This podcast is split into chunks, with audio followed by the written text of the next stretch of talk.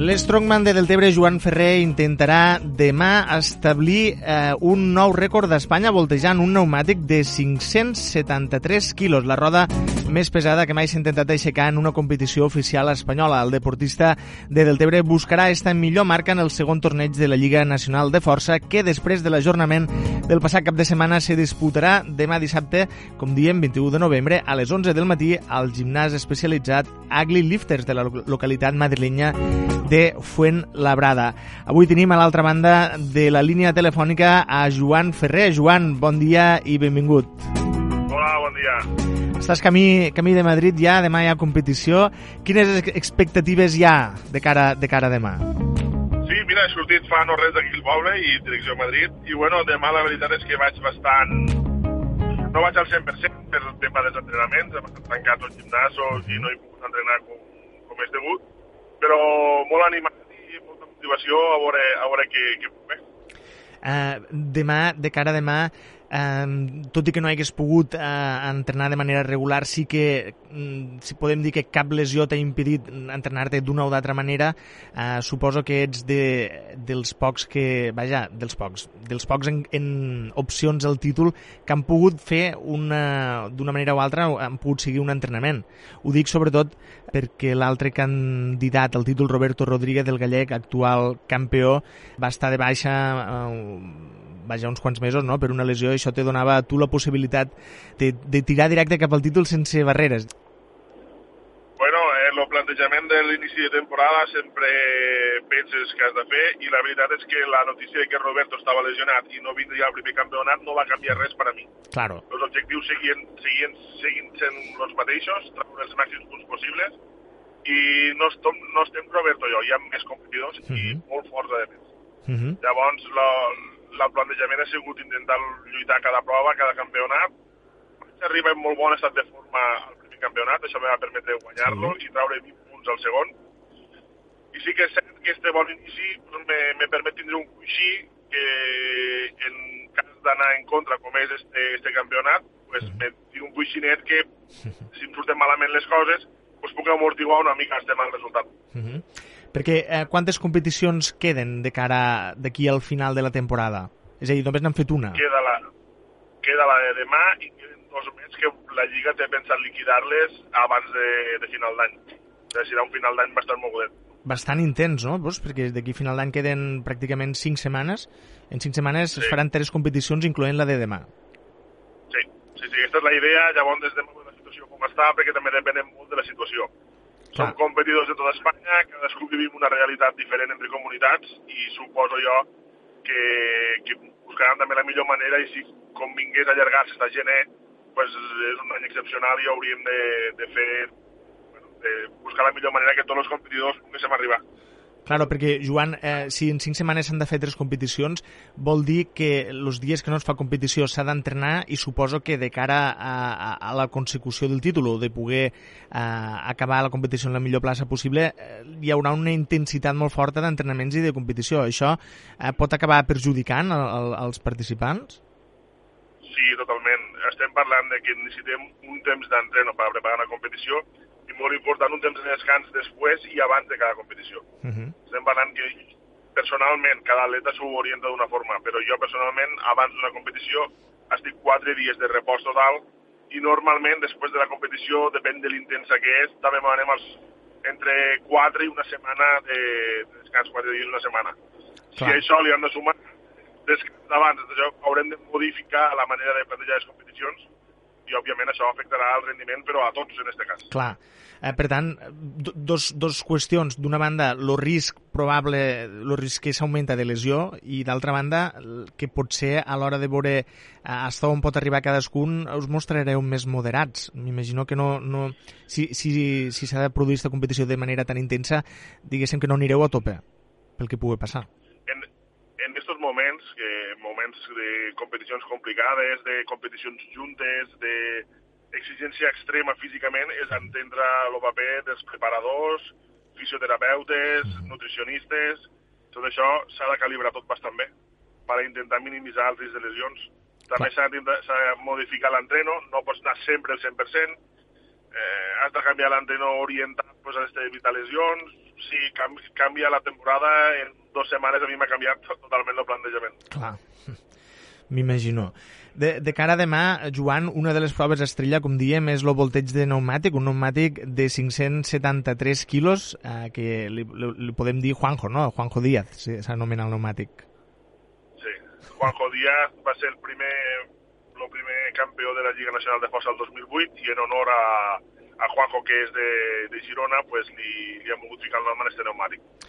Com te veus de cara en aquesta prova? Et veus, eh, t'has preparat per poder batre este rècord de 573 quilos, eh? És un pneumàtic, no és, no és un pneumàtic de, de patinet, eh? Diguéssim, és un pneumàtic de... No, no és un pneumàtic normal. Sí. El rècord actual està en 501, eh, que, que es va voltejar la Lliga Nacional de Força fa 5 anys o 6, uh -huh. I ara salten a 573. Això significa és molt. pues, que la, la mateixa Lliga veu que el nivell està pujant i que podem optar a, a fer-ho. Serà complicat, serà molt complicat, ja dic, per la preparació està una mica regular que he tingut, però sí que és cert que el volteig pneumàtic a mi és una prova que sempre se m'ha donat més o menys bé, uh -huh. i he entrenat el que he pogut el pneumàtic aquí al poble del Tebre, a la, a la vora del passeig del riu, que molta gent que passava per allí es parava a, a veure. Llavors, pues, he intentat entrenar el màxim possible i anem a veure eh, demà com va. És, un, és una prova bastant dura, en un cert risc també, perquè clar, tens 500 i pico quilos damunt teu. Uf. Llavors, amb molta prudència i ja veuré, ja veuré com va. Eh, és, és, mira, m'esgarrifo de pensar-hi, eh? 573 quilos de pneumàtic. Eh, tens un temps determinat per poder, per poder realitzar la prova o pots agafar-t'ho en calma? Tinc 90 segons per a poder realitzar la prova, oh. Però clar, allí no estic sol, hi haurà més gent que intentarà voltejar este pneumàtic i el que eh, pretenc és voltar-me més ràpid que ningú, perquè guanyaria la prova. I si això no serviés, i tingués prou forces, fer dos voltes, per ja, ja assegurar més. Però sí que és cert que jo crec que si puc donar una, estiré molt content i és l'objectiu. Home, ara m'ho imagino, m'he imaginat este moment de donar-li dos voltes al pneumàtic, que ja, és, ja seria tot un rècord, donar la volta a un pneumàtic sí, de 573 quilos, donar-li en dos podria ser una fita històrica a la competició. Això esta és la diferència entre quan este rècord, per exemple, lo podria intentar jo personalment, com a repte personal, uh -huh. però quan estàs en una competició hi ha més competidors que estan Clar. intentant el mateix que tu. Llavors, imagina't que jo ara faig la volta de pneumàtic en 25 segons uh -huh. i un competidor la fa en 23, guanya el competidor, ara que he fet 23. Clar, clar, clar. clar. Mira, de, de lligar el rècord i lligar la competició i lligar els punts és fer dos voltes, llavors. Clar. Si tot depèn de haurà altres competidors. Aquí hi haurà molta estratègia, suposo jo. Si algú la podem, la podem voltejar, que això eh, no és segur tampoc. Uau, de tota manera, tant si podeu com si no, és una prova que està donant molt, molt a parlar, una prova en la qual ens tocarà estar molt alerta perquè podríem veure això, eh? Mm, que es bati el rècord més, que més d'una persona bati el rècord i que eh, podem veure, podem posar els ulls en la teva actuació, veure si ets capaç, si, si t'atrevixes, si pots, si et veus en les forces de donar aquestes dos voltes al pneumàtic de 573 quilos, dos voltes a Juanjo Díaz. Joan, també hi ha més proves, però arrossegament de camió, ruleta russa de barra polon, mmm, crucifix i la mudança. Què és això de la mudança que ens crida molt l'atenció aquest nom?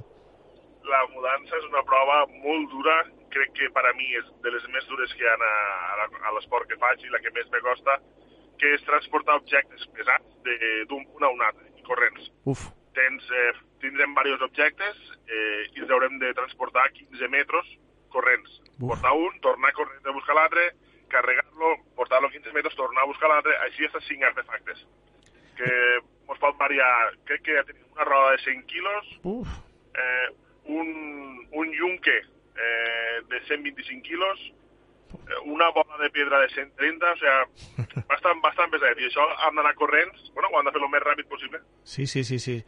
Ostres, pinta, pinta molt, molt interessant, eh, aquesta competició de demà. I això del crucifix?